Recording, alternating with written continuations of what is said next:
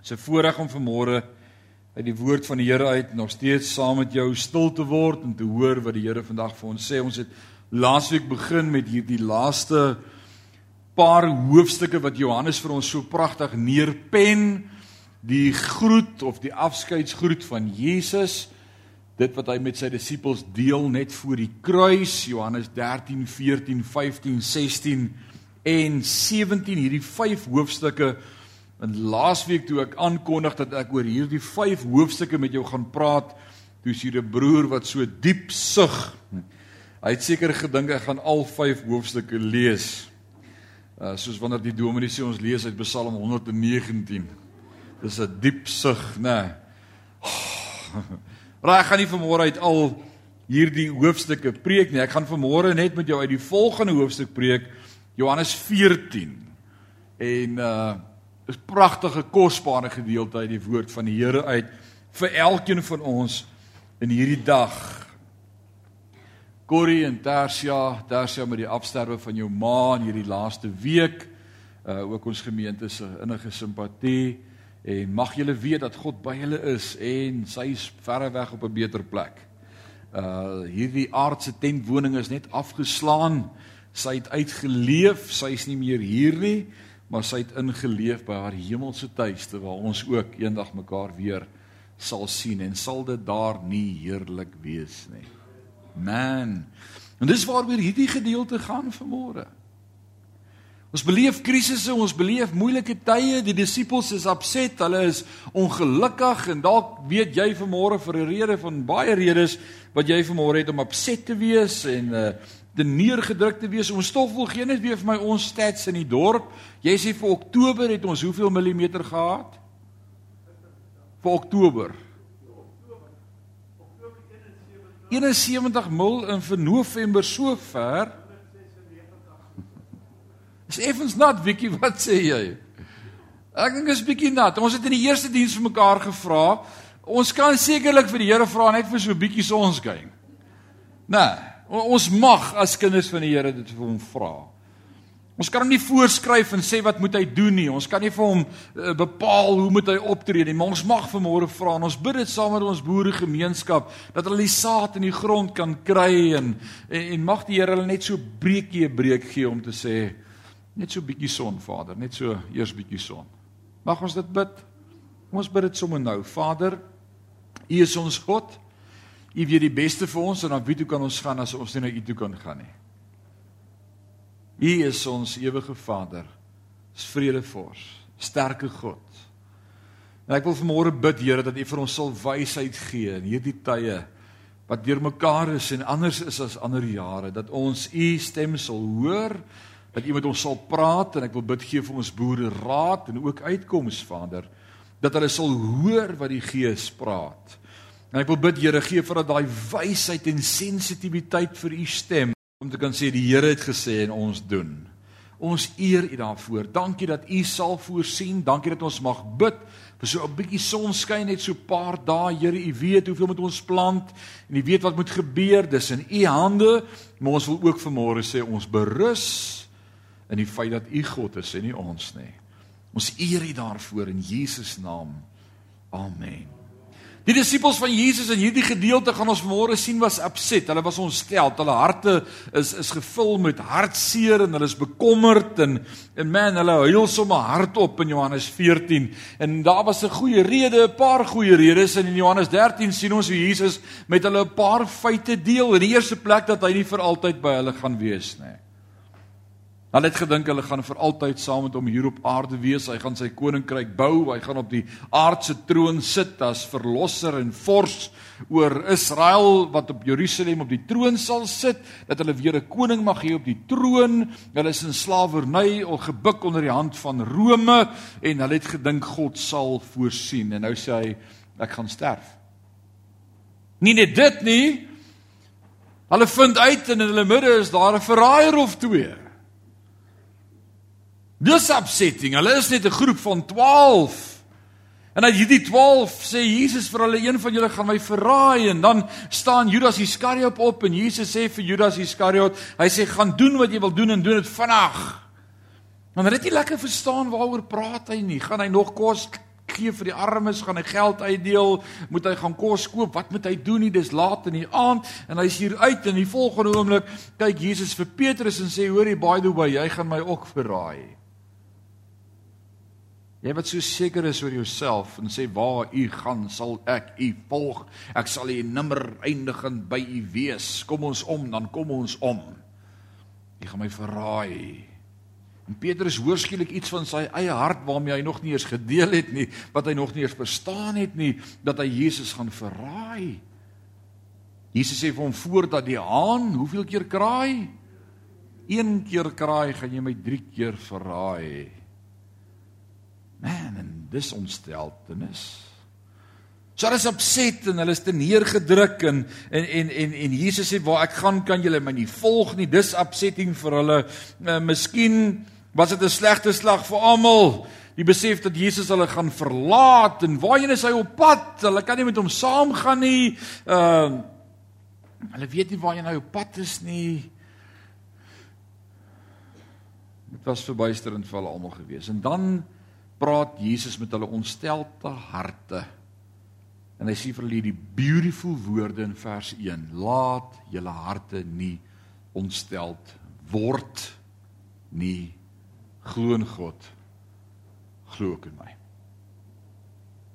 Ek wil vanmôre probeer om uit hierdie hoofstuk uit 'n paar punte uit te lig hoekom ek dink as Jesus hierdie woorde in hierdie hoofstuk vir ons gee wat ons in ons tyd kan die Engels sê so mooi apply nê toepas uh in ons lewe ons weet ons het Jesus as anker as leidsman, as volëinder van ons geloof, uh, as sterke God, as rots en ons weet hy antwoord en ons word upset in ons stel. As ek waar as ek so sê. Kan ek gou die hande sien wie hom hierdie week glad nie upset of ontsteld gewees nie. Steek gou jou hand op. Kom maar dan moet sekerlik iemand wees. Glad nie. Glad nie upset geraak nie. Jy was in die eerste diens se tannie, toe sê ek tannie, jy sekerlik nie getroud nie? Sê sy nee. Sê jy het sekerlik die kinders in die huis, toe sê sy nee. Sê ek okay, ek verstaan alles. Maar maar as in ons almal se lewe rede hoekom ons soms opset raak, soms bekommernisse beleef, soms te neergedruk voel, soms voel asof die laste van die lewe net te veel word vir ons. En, en dit moeilik vind om ons hart bymekaar te hou. Dis waarvoor die psalmdigter vir ons Psalm 61 skryf wat ons so gereeld ook hier by Sion sing wat sê hear my cry o lord attend unto my prayers from the ends of the earth will I cry out to thee and when my heart is overwhelmed lead me to the rock that is higher than I For thou hast been a shelter unto me, a high tower, Lord, against the enemy. Ons het 'n anker, ons het 'n toevlug.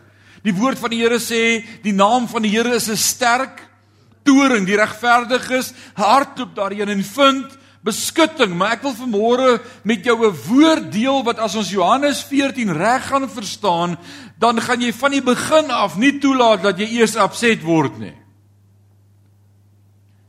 En van ons word eers opset en dan gaan soek ons die Here en ons sê help my om my opset hart onopset te maak. En dis meeste van ons week se struggles is om is om die dinge wat ons opset eenkant te skuif en toe te laat dat God net weer die lig in perspektief bring en ons nie meer so opset is nie. Ons wip ons eers en dan sê ons ekskuus help ons om ons nou te ontwip. Maar as ons hierdie teks reg gaan verstaan vanmôre, gaan jy jou hart so kan bewaar dat jy nie gaan toelaat dat jy opset word nie. En ek dink dis die plek waar God die kerk wil hê. Dis fyn om as jy opset is na God toe te kom wat sê kom na my toe, almal wat moeg en oorlaai is, ek gee rus, dis great. Maar wat van? Ek wil vandag aan jou iets voorhou. Wat van? Daar's 'n beter plek. Jy hoef nie opset te raak nie. Kyk saam met my na die teks vanmôre. Die eerste punt van 6 wat ek vanmôre wil uitlig uit hierdie teks uit Dis die eerste rede hoekom ek en jy nie opset hoef te raak ooit nie. Is ons is op pad hemel toe. Julle klink so bly. Dankie vir al die amens. Ek is so opgewonde om voor 'n gelowige skare te preek van gelowiges. Dit klink asof dit nuus is vir jou vanmôre. Vir wie is dit nuus dat ek nie anders sien? Right, julle weet dit daarom. Okay, dis dalk ou nuus. Dis great nuus. Dis die beste nuus uit hierdie teks uit. Dis die beste nuus wat Jesus kan kry om met sy disippels te deel van hulle opset harte. Hy sê, "Hey guys, ek gaan hom vir julle plek te berei." Moenie opset wees nie. Moenie laat julle harte ontstel word nie. Glo in God, glo in my. In die huis van my Vader is daar baie wonings. As dit nie so was nie, sou ek vir julle gesê het, "Maar ek gaan hom vir julle plek te berei." En as ek gegaan het, kom ek terug sodat julle ook kan wees waar ek is. Man, dis 'n belofte. So kom ons kyk na hierdie belofte vanmôre. Jesus het Petrus nie bestraf omdat hy vir hom gevra het waarheen is hy op pad nie. Sy antwoord is iets was kripties, maar eendag sou Petrus Jesus ook volg en ook weet waar Jesus gaan wees, maar dit was nie net in die ewigheid saam met hom nie, dit was ook verby die kruis. Geskiedenis leer ons dat Petrus se sterwe niks anders was as 'n kruisiging nie. En dat Petrus gesê het ek is nie waardig om soos my Jesus gekruisig te word nie, maar kruisig my asseblief onderste bo. Vir party van ons is die pad na die hemel verby 'n kruis.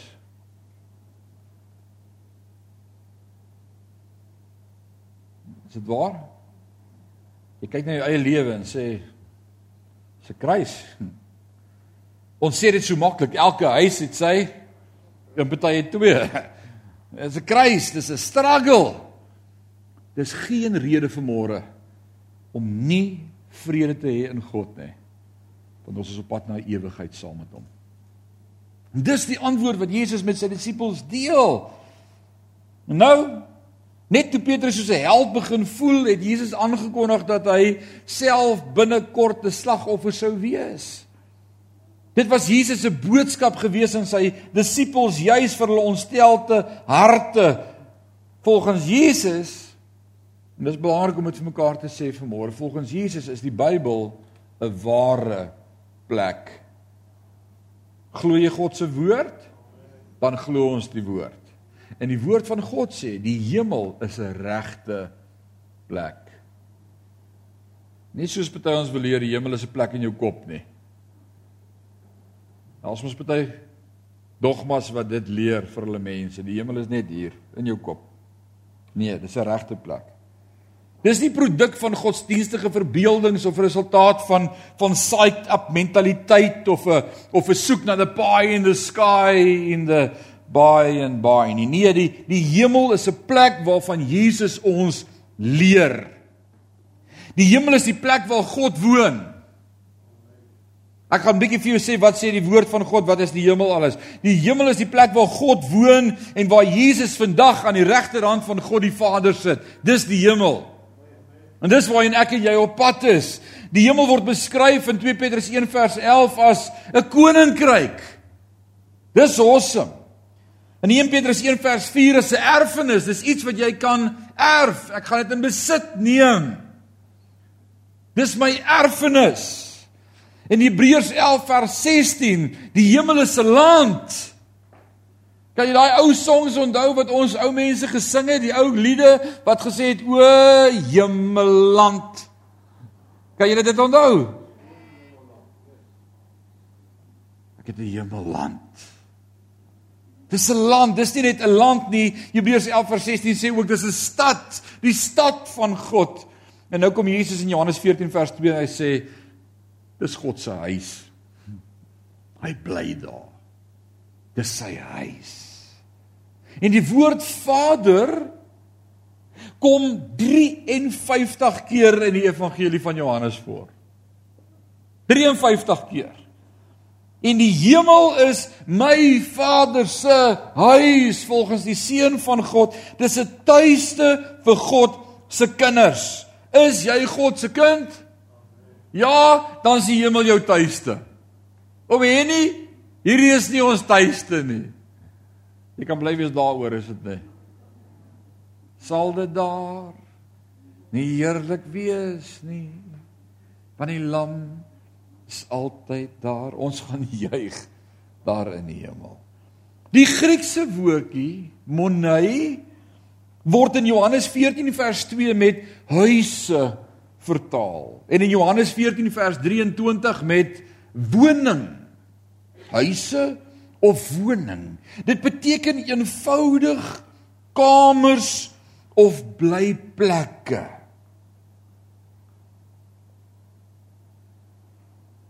Waar het ons aan die idee gekom dat elkeen van ons ons eie huis gaan hê in die hemel eendag? 'n Party van ons gaan dubbelverdieping huise kry. 'n Party van ons gaan mansions hê. 'n Party van ons gaan in Pandok bly wat jy wou nie glo nie, maar jy gaan daarom daar wees. Waar het ons die idee gekry? Jesus is aan die woord en hy sê, "Hy, in my Vader se huis is daar plek vir jou ook." Imagine dit. In sy huis is daar plek vir my. Is dit nie great nuus nie? Jy moet net hoop die ou wat langs jou intrek snork nie as hy slaap nie, né? Daar's plek vir ons almal in God se huis. Johannes 14 vers 3 sê en as ek gegaan het en vir julle plek ingerig het, kom ek terug en sal julle na my toe neem sodat julle ook kan weet waar ek is. Johannes 14 vers 3 is 'n duidelike belofte op die wederkoms van Jesus Christus.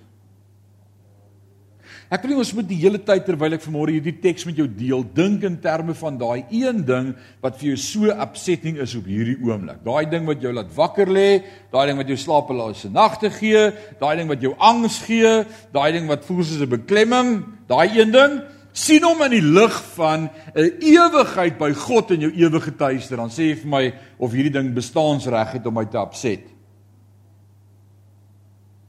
Rarig. Nee. Laat my dink aan daai lied wat ons so baie in die kerk sing deur al die jare wat sê turn your eyes upon Jesus look full in his wonderful face en dan sê hy and the things of this earth and world will grow strangely dim in the light of his glory and grace. Ek dink dis ons probleem in die lig van wie God is, moet ek na my probleem kyk en nie my probleem voor God inskuif en sien hoe groot is my probleem nie. En nou kom Jesus met 'n paar punte wat belangrik is om te onthou in my en jou lewe. In die eerste plek 'n ewigheid saam met God. Johannes probeer in die boek Openbaring beelde kry en beeldspraak gebruik om vir ons te verduidelik hoe die hemel lyk en hoe dit daar gaan wees. En dan skiet al die beelde ver te kort vir ons om te verstaan. Ons sukkel met Openbaring. En dan probeer hy 'n ander manier. Dan sê hy, "Oké, okay, ek gaan nie vir julle probeer verduidelik hoe dit lyk nie. Kom ek sê vir julle wat is nie daar nie." Dis baie makliker wat is nie in die hemel nie. Dan sê hy in die hemel is geen dood nie. Daar's nie meer hartseer nie, daar's nie gehuil nie, daar's nie pyn nie, daar's nie nag nie. Dis wat daar nie is nie. Want God is daar.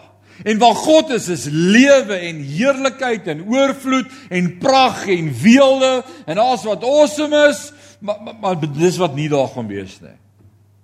Wie sien uit daarna? loof die Here. Thomas se vraag in Johannes 11 en ek wil hê met 'n oomblik hieroor dink. Ons praat baie van Thomas as die ongelowige disipel. Hoe min geloof. Ek ek ek ek sien 'n ander kant van Thomas wat dink hy het meer geglo wat Jesus sê as die res. Gelees saam met my Johannes 11 vers 16 want hy het 'n skerp begeerte om by Jesus te wees en hoor wat sê in Johannes 11 vers 16. Hy sê Thomas wat ook Didimus genoem is het vir die ander disippels gesê: "Laat ons ook gaan sodat ons saam met Jesus kan sterf." Waarvan praat jy? Jy het nie gehoor hy vertel ons al die afgelope ruk hy gaan sterf nie, sy einde het naby gekom, nie sy uur het aangebreek nie. Ag Thomas, ons bestraf jou. Jy het nie 'n klou waarvan jy praat nie. Waarvan praat jy? Thomas was die enigste een wat geglo het wat Jesus sê is die waarheid. Jesus gaan sterf. Wow. Dit het beteken dat hy moes weet waarheen die meester op pad is of ook self geweet het hoe om daar uit te kom. Jesus het dit duidelik gemaak dat hy nie na die Vader net gaan nie en dat maar dat hy die enigste weg is na die Vader. Dit is belangrik. Hierdie gedeelte lees Johannes 14 vers 6 sê ek is die weg, die waarheid en die lewe en na die Vader kan niemand gaan behalwe deur my en ek is die deur. Ken jy die deur? Ken jy die deur Jesus? Dan jy die lewe. Jy het alles. Die versekering van die hemelse tuiste aan die einde van ons lewenspad stel ons in staat om die struikelblokke en gevegte langs die pad met vreugde te verduur. Wat kan hulle aan my doen om my te skei van God se liefde? Niks. Is dit lekker? Wat was vir Jesus die vooruitsig geweest? Hoor wat sê Hebreërs 12 vers 2 help my om bietjie my lewe in konteks te sien in die lig van wie hy was. Wat vir die vreugde wat vir hom voorgelê is die kruis verduur het. Verduur jy jou ou stukkie pyn en lyding en suffering en challenges wat jy het in die lewe verduur jy dit omdat jy vooruitsig het vir 'n ewigheid saam met God of kry hierdie jou onder as hierdie jou onder kry sien jy dit nie in die lig van 'n ewigheid saam met God nie. Kry vanmôre jou perspektief reg. In Paulus se lewe, hoor wat sê hy vir ons in Romeine 8 vers 18, want ek reken. Daai woordjie reken is die somterm, dis die woord wat gebruik word wat sê trek 'n dubbelstreep en doen 'n berekening. Charles, haal jou kalkulator uit en tel hierdie som bymekaar. Jy's mos in die accounting. Kom ons kry 'n antwoord vir hierdie som. Hoor wat sê Paulus? Hy sê want ek reken dat die lyding van hierdie huidige tyd en almal van ons sê o, oh, ek verstaan dit. Ngwate is dalk op jou lys, ek weet nie. Water, krag, Eskom. Dis niks. Dis niks. Hy sê ek reken dat maak nie saak wat se waardes ek in hierdie som insit nie. Ek reken dat die lyding van die huidige tyd nie vergelykbaar is.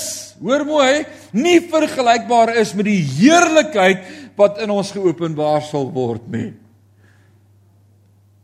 Dit wat gaan kom. Het nog nie by mense gedagtes opgekom nie. Ons het nog nie begin om te verstaan hoe 'n ewigheid saam met God gaan wees nie. Jy jy jy het nie 'n idee nie. Jy weet nie. Ek preek nou eers 24 minute en dis punt 1 van 6. So jy is in vir 'n ding vandag. Nee, ek ek gaan nie langer as lank preek nie. Moenie worry nie. Die tweede punt, ek wil net hê jy moet iets van die teks verstaan en wat dit beteken om in die teks in te duik en sien wat God vir ons wil wys. Ek wil ek wil so 'n bietjie van 'n uh, ek wil 'n appetizer vir jou voorhou vanmôre. Ek wil ek wil jou lus maak om in God se woord te wees en in te spring en te sê ek wil sien wat U vir my sê. Dis wat die woord doen en dis water vir my siel en kos kos vir my gees. Die tweede punt wat Jesus vir ons voorhou vir ons stelte harte en vir opsetness is ons ken die Vader reeds nou. Dis dit die goeie nuus die ons stoffel. Ek gaan nie eendag uitvind wie's die Vader en wat sy hart vir my en hoe hy dink en wie hy is nie. Jesus sê ons kan hom nou ken. Dis goeie nuus. Ons kan daaroor vanmôre gesing het. You're a good good father. That's who you are. Ek hoop nie hy's 'n goeie God nie. Ek ken hom reeds as 'n goeie God. Ek hoop nie hy gaan my eendag pak gee of hy gaan my nie pak gee nie. Ek weet ek het 'n liefdevolle hemelse Vader wat my reeds vrygespreek het deur die bloed van sy seun Jesus Christus. Hoor wat sê Jesus in vers 7. As julle my ken, sou julle my Vader ook geken het. Van nou af ken julle hom en het julle hom reeds gesien. Vers 9 sê wie my reeds gesien het, het ook reeds my Vader gesien. En hoe sê jy dit dan? Wys ons die Vader. Dis hartseer dat baie mense gaan wag om eers eendag by God te kom om te ontdek wie hy is. En tog is daar so baie in ons lewe wat so lewe. Ken jy Jesus? O ja, die woord leer vir my van hom. Het jy die Heilige Gees? O ja, die leidsman. Ken jy God? Nee, ek gaan hom eendag leer ken. Nee. Ek kan hom reeds ken. Ons hoef nie te wag nie, ons kan hom reeds vandag ken en van hom al ons geestelike hulpbronne ontvang wat ons nodig het om aan te hou wanneer die dae moeilik is. Wat beteken dit om die Vader te ken? Hoe hoe ken ek en jy die Vader? Die woordjie weet of ken kom 141 keer in die evangelie van Johannes voor. So ek dink is een van die belangrike goed wat Johannes probeer kommunikeer, weet, ken, verstaan. Jy moet kan. Anders sou Johannes nie daarop die klem gelê het nie. Maar dit het verskillende betekenisse. Kom ek help jou met die vier verskillende betekenisse van hierdie woordjie ken of verskillende vlakke van intimiteit. Trouwens, eerste een. Die laagste vlak is om bloot die feit van te weet. Ek deel vanmôre met jou Johannes 3 vers 16 sal sê want so lief het God die wêreld gehad dat hy sy enige gebore seun gegee het sodat almal wat hom glo nie verlore mag gaan nie maar die ewige lewe sal hê. Dis die woord. Sal die woord sê so. Sal sê, "Wow, ek neem kennis. Ek hoor." Maar dis dit. Dis die eerste vlak is om net bloot te hoor en te weet daarvan. Die tweede vlak is wanneer jy die waarheid snap en verstaan. Sal verstaan jy wat dit al vir jou beteken dat God jou so liefhet dat jy nie verlore hoef te gaan nie. Dis great, ek verstaan dit. Ek luister na 'n preek of 'n woord of iets wat iemand my stuur en ek lees dit en ek sê, "Wow, dit gaan vir my oop. Nou verstaan ek dit." Dis die tweede vlak. Maar ek wil vanmôre die punt maak, jy kan agter die feit ken en die waarheid daar agter ken en steeds verlore gaan sonder om met jou net te maak. Jy kan die woord hoor, Jy kan nie uitstap en sê ek ken Johannes 3 vers 16.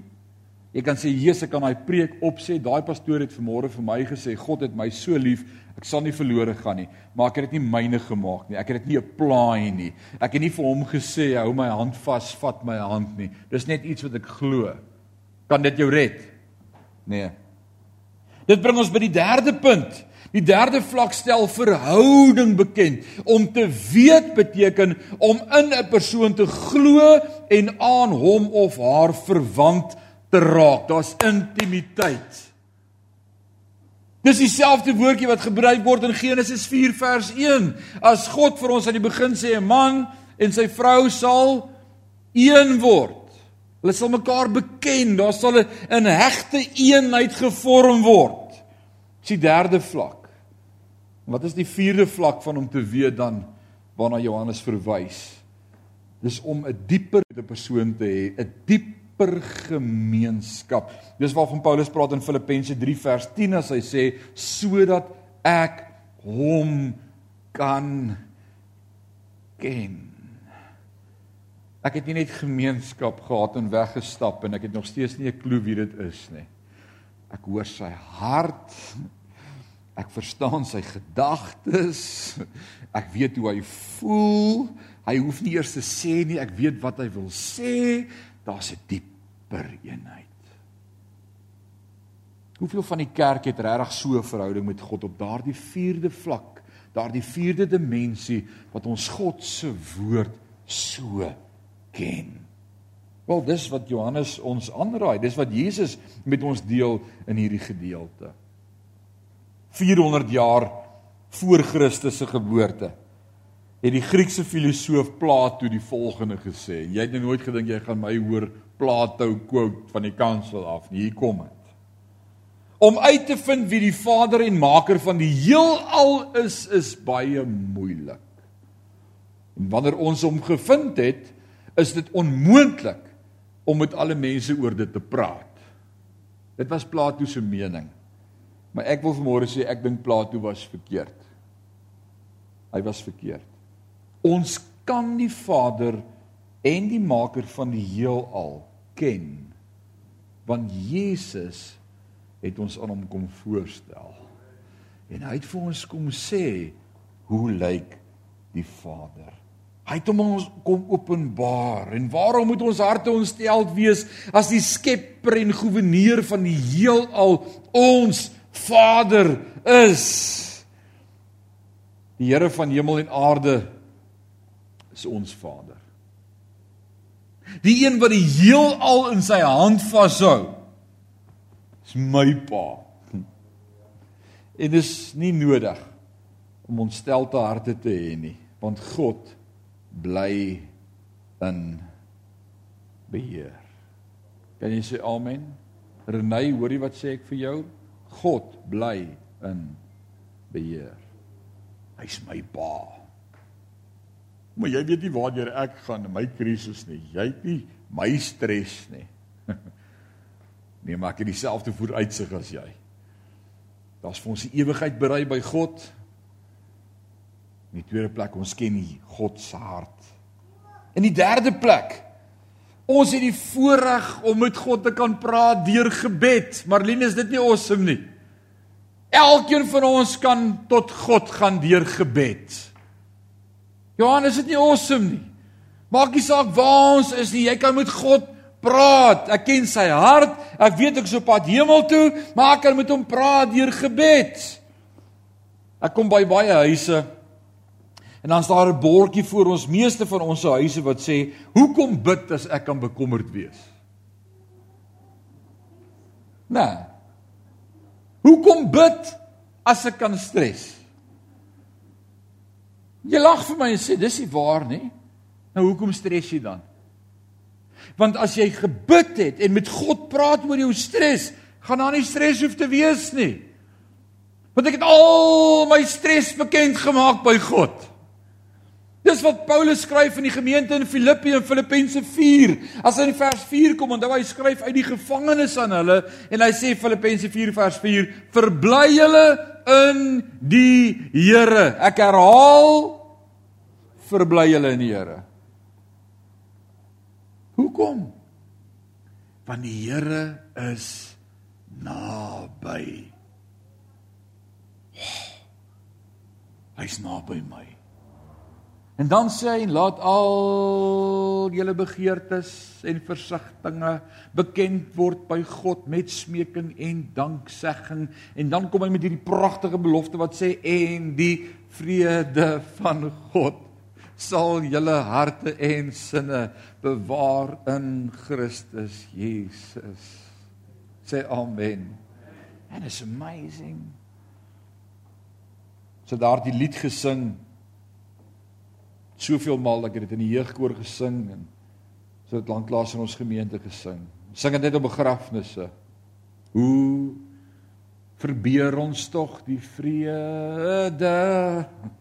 Ag, hoe dikwels lê ons smart, onthou jy dit? Net omdat ons nie ons noode uitstort in God se Vader hart. Hoekom praat jy nie met God daaroor? Hoekom bid ons nie? Hoekom praat ons nie met hom daaroor nie? Laat al julle smeekinge en versigtings bekend word by God. Praat met God daaroor. Want baie van ons se lewens is die laaste een met wie ons praat daaroor.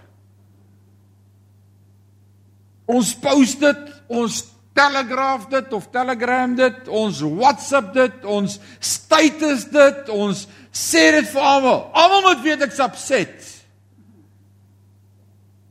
Hoopelik gaan ek iewers ook tyd maak om by God uit te kom en vir hom te sê: Here, dis wat in my hart is. Mag die Here ons help dat ons eers met hom sal praat. Eers met God sal praat. En dis wat Jesus ons leer in hierdie gedeelte as hy vir ons sê ons kan met ons kan met God praat, nie net ken ons hom nie, ons kan met hom praat. Ons kan bid. As God egter ons gebede gaan beantwoord en ons vrede in ons harte gaan gee, is daar sekerlike voorwaardes waaraan ons moet voldoen. Trouwens, hierdie hierdie voldoening aan hierdie voorwaardes is ook die seën op sigself. Vers 12 sê ons moet in geloof na God gaan. En dis ook die blessing om te kan glo dat God hoor. En dis al hoekom ek met hom praat want ek glo hy hoor. Hoe terrible sou dit wees as ek moes bid en nie geweet het of God hoor nie. Marlene So my dink aan Elia wat die Baalprofete uitmok, uitpart. En hulle sê hoor, skree 'n bietjie harder. Is julle seker julle God slaap nie dalk nie? Is hy nie dalk beset nie? Is hy nie dalk besig nie? En soms dink ek as ons bid, dink ons God slaap. God slymer op slaap nooit nie. Hy hoor alles. Beide liefde en gehoorsaamheid is deel van 'n effektiewe gebedslewe. Hoor wat sê Psalm 66 vers 18: As ek die ongeregtigheid in my hart sien, daai daai gedagte vir as ek die ongeregtigheid in my hart sien, is die gedagte wat sê as ek dit afkeer. Nee, as ek dit sien en goedkeur sal die Here my nie verhoor nie. Hoor jy? Wat is in my hart? Ek moet die hele tyd my hart ondersoek as ons ons gehoorsaamheid ons gehoorsaam nie die Here bloot omdat ons ons gebede verhoor wil hê nie. Nee, ons gesindheid is God ken ons harte. Job 23 vers 12 sê ek het die woorde van sy mond meer geag as my nodige voedsel. Dis amazing. Die woorde van sy mond. Om te glo in gebed is wonderlike is wonderlike medisyne om 'n rustige hart te hê. Gebed. As jy opset is vir môre, praat met God. Bid. Gesels met hom. Die vierde punt. En ek het klaar gepreek. Ek het oor 3 van 6 punte gepraat en ek gaan vir jou nou net die punte gee en ek wil hê jy moet in hierdie dag daaroor gaan dink by die huis. Sê as my hart opset is, daar's 'n hemel, ek sou pad hemel toe, niks kan my skei van hom nie. Die tweede plek? Wat is die tweede plek? Ons ken die Vader. In die derde plek, ek kan met hom praat, ek kan bid. So kom ons draai dit vir 'n opset hart. In die vierde plek, oh, dis amazing. Ons het die Heilige Gees. Ons het die Heilige Gees. Sekerlik een van die belangrikste punte uit hierdie hoofstuk uit dat die Parakleet, die trooster van God in my woon. Hy het ons nie as wese agtergelaat nie, man, hy hy hy het sy Heilige Gees vir my gegee. Vyfde punt. Ons geniet nou reeds die liefde van die Vader. Jy hoef nie eendag uit te vind of God jou liefhet nie. Ek wil vanmôre vir jou sê, gaan lees hierdie gedeelte. Gaan lees vers 19 tot 24. Vader het jou lief. Ons gaan dit ook sien in Johannes 17 met Jesus se gebed. En dan die laaste punt. Die grootste geskenk wat Jesus nou reeds vir ons gee. Sy vrede. Sê vrede. Bietjie vrede. Vrede vir jou broer nou reeds. Om in jou krisis God te kan beleef is 'n guns en 'n gawe wat net God kan gee. Die wêreld moet betaal daarvoor en dinge doen om dit te beleef vir 'n kort tydjie. Ek het dit elke oomblik van my krisis want hy's met my. Hy's in my. Hy's by my. Hy hou my vas in die holte van sy hand. Ek gaan 'n oomblik gee vir môre en ek wil ek wil jou kans gee om in die lig van wie hy vir ons sê hy is in Johannes 14 vanmôre gou daai probleem van jou te vat en dit so voor al hierdie goed van God te sit en te sê in die lig van wie hy is het ek geen rede om te stres nie. Ek het 'n hemelse vooruitsig. Ek ken die hart van God die Vader. Ek kan met hom praat. Dis amazing. Hy gee ons sy Heilige Gees. Ons het die trooster. Ons geniet die Vader se liefde nou reeds en hy gee ons vanmôre sy vrede. Net waar jy sit, kom ons sluit ons oë. Praat so oomblik met jou hart en sê hart, wat is so opset in my? Ons God is groter. En hy het vir ons hierdie groot beloftes uit sy woord gelos. Sy laaste woorde om vir ons te sê. Ons hoef nie opset te wees nie. Hy is met ons. Vader, u woord is kosbaar. U woord is so wonderlik vir ons vanmôre. Dankie vir Johannes 14, hierdie pragtige gedeelte wat u vanmôre vir elkeen van ons gee om te deel met stres en spanning en benoudheid en angs en al hierdie goed wat in ons dag so meer en meer manifesteer. Ek wil vanmôre vrede spreek in elke hart en in elke wese hier teenwoordig. Ek wil u vrede spreek wat u gee wat verstand te, te bowe gaan. Die vrede wat net God kan gee. Here dalk deel van ons met siekte. Ons battle met gesondheid. Dalk is dit ons omstandighede finansiëel of beplanning of dit wat die toekoms vir ons inhou of 'n uh, uh, juis 'n onsekerheid. Ek wil vanmôre in die lig van wie U is, lewe spreek oor elke krisis en benoudheid en ek wil sê Vader, U is met ons. U is met ons al die dae van ons lewe. Groter is hy wat in my is as hy wat in die wêreld is. Dankie vir die hemelse vooruitsig geen siekte kan my skei van die ewigheid saam met U nie. Niks. Ons eer U daarvoor. Help ons om te lewe in die voorbereiding dat ons nie ontstel te harte hoef te hê nie. Maar dat ons elke oomblik kan triomfeer omdat ons ons God ken en weet ons is op die troon. Aan al die lof en al die eer en al die aanbidding van ons harte Vader in hierdie storms van die lewe wil ons bid dat U ons sal vashou, sal beskerm, sal red. Aan U alleen al die lof en al die eer is my gebed in Jesus naam. En Sion sê amen en amen.